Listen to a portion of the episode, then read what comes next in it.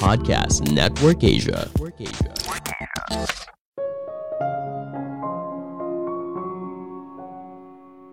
Tidak semua ide yang punya hasil bagus dalam skala kecil bisa dijalankan dalam skala besar. Halo semuanya, nama saya Michael. Selamat datang di podcast saya, Sikutu Buku. Kali ini saya akan bahas buku The Voltage Effect karya John A. List. Sebelum kita mulai, buat kalian yang mau support podcast ini agar terus berkarya, caranya gampang banget. Kalian cukup klik follow. Dukungan kalian membantu banget supaya kita bisa rutin posting dan bersama-sama belajar di podcast ini. Buku ini membahas bagaimana ide bagus jadi ide hebat dan ide hebat bisa dijalankan dalam skala yang besar. Ketika punya sebuah ide, kita mungkin mencobanya dengan mengetes pada skala kecil. Ketika hasilnya memuaskan, maka hal ini mendorong kita untuk melakukannya dalam skala yang lebih besar. Namun sayang, hasilnya malah gagal total. Loh, kok bisa?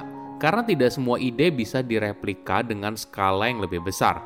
Banyak alasan, misalnya saja hasilnya terlalu bergantung pada talenta yang hebat, sampel responden yang berbeda dengan gambaran dunia nyata, hingga harganya menjadi semakin mahal ketika dibuat dalam skala yang besar. Saya merangkumnya menjadi tiga hal penting dari buku ini.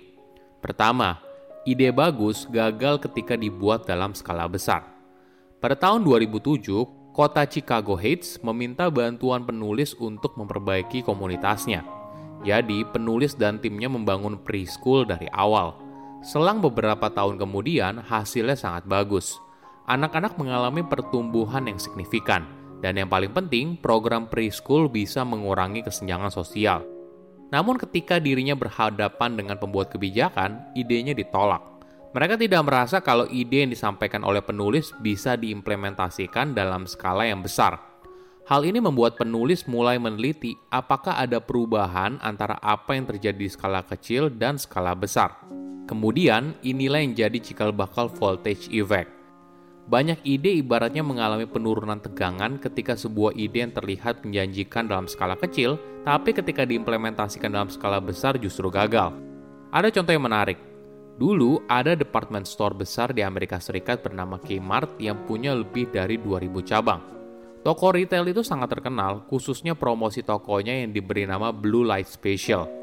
Cara kerjanya seperti ini ada pengumuman di dalam toko dengan pengeras suara yang memberitahu ada penawaran spesial yang sedang berlangsung di salah satu bagian toko dan ditandai dengan lampu berwarna biru.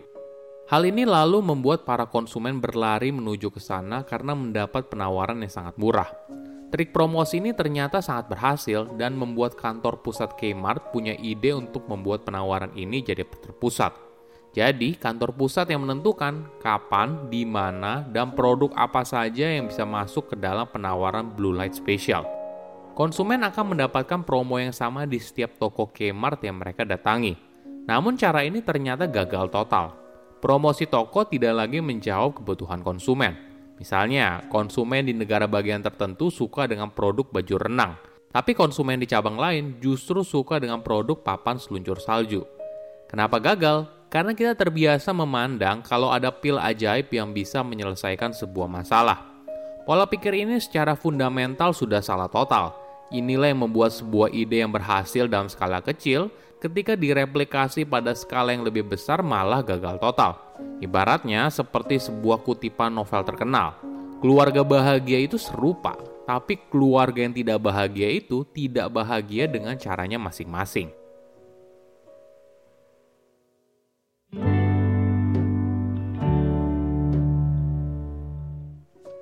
Kedua, manusia atau sistem.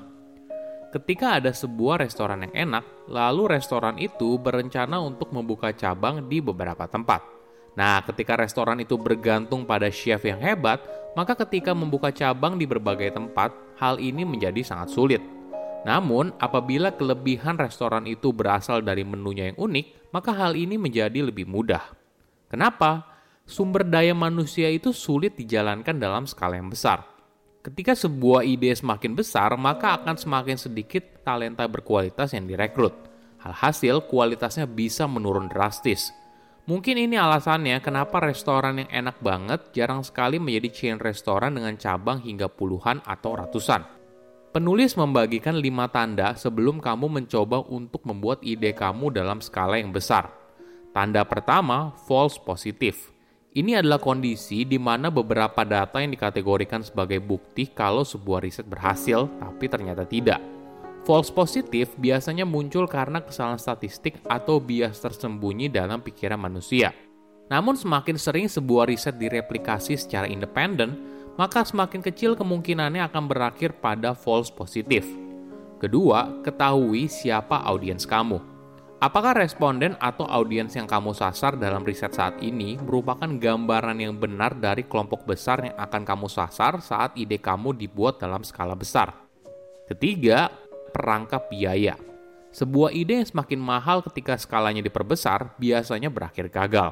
Idealnya, semakin banyak output yang dihasilkan, maka biaya tetap untuk setiap unit barang pun akan cenderung semakin rendah.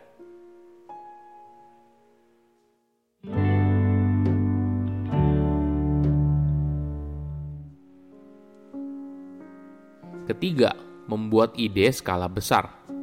Bagaimana cara sebuah ide bisa direplikasikan?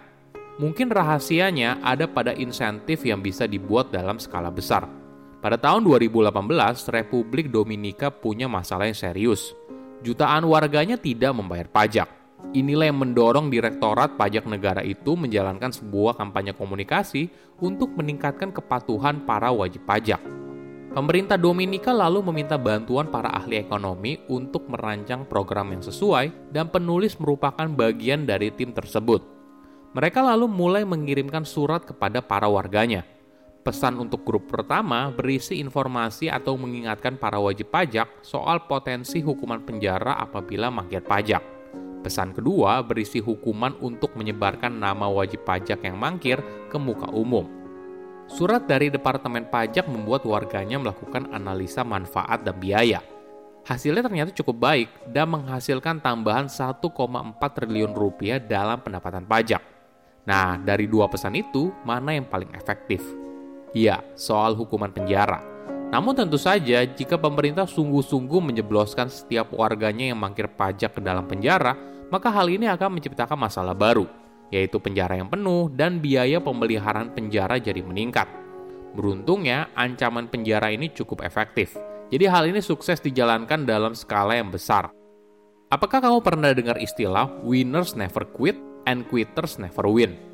mantra ini ibaratnya diajarkan terus-menerus sepanjang kita hidup. Tapi hal ini tidak sepenuhnya benar. Kita perlu memahami sesuatu yang disebut sebagai opportunity cost. Biaya ini muncul akibat hilangnya kesempatan karena memilih satu di antara serangkaian pilihan yang ada. Misalnya ketika kamu menjadi akuntan di perusahaan A, kita tidak berpikir kalau kita melepas kesempatan untuk jadi akuntan di perusahaan B Riset membuktikan mayoritas orang berhenti dari pekerjaan yang sekarang hanya karena ada sesuatu yang buruk terjadi pada pekerjaan yang sekarang. Misalnya atasan yang tidak menghargai hasil kerja kamu, kamu tidak mendapatkan kesempatan untuk naik jabatan atau promosi, atau bahkan kamu tidak cocok dengan rekan kerja yang sekarang. Padahal ada sudut pandang yang lain. Misalnya saja, ketika ada peluang baru muncul yang lebih baik. Seharusnya hal ini juga menjadi dorongan kita untuk berpindah pekerjaan Hidup kita akan jauh lebih baik apabila kita memahami biaya peluang atas waktu yang kita miliki. Oke, apa kesimpulannya? Pertama, gagal dalam skala besar. Mungkin saja kita pernah berpikir kalau ada pil ajaib yang bisa menyelesaikan sebuah masalah. Pola pikir ini secara fundamental sudah salah total. Inilah yang membuat sebuah ide yang berhasil dalam skala kecil ketika direplikasi pada skala yang lebih besar malah gagal total. Ibaratnya sebuah kutipan novel terkenal, keluarga bahagia itu serupa, tapi keluarga yang tidak bahagia itu tidak bahagia dengan caranya masing-masing. Kedua, fokus pada sistem bukan manusia. Sumber daya manusia itu sulit direplikasikan dalam skala yang besar. Ketika sebuah ide semakin besar, maka akan semakin sedikit talenta berkualitas yang direkrut. Alhasil, kualitasnya bisa menurun drastis Mungkin ini alasannya kenapa restoran yang enak banget jarang sekali menjadi chain restoran dengan cabang hingga puluhan atau ratusan. Ketiga, menyerah tidak sama dengan gagal. Kita perlu memahami sesuatu yang disebut sebagai opportunity cost.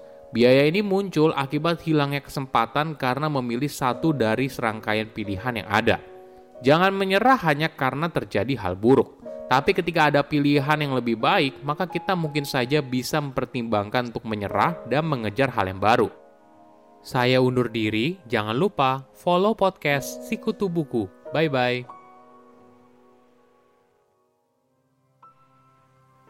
Pandangan dan opini yang disampaikan oleh kreator podcast, host, dan tamu tidak mencerminkan kebijakan resmi dan bagian dari podcast Network Asia. Setiap konten yang disampaikan mereka di dalam podcast adalah opini mereka sendiri dan tidak bermaksud untuk merugikan agama, grup etnik, perkumpulan, organisasi, perusahaan, perorangan, atau siapa pun dan apa pun.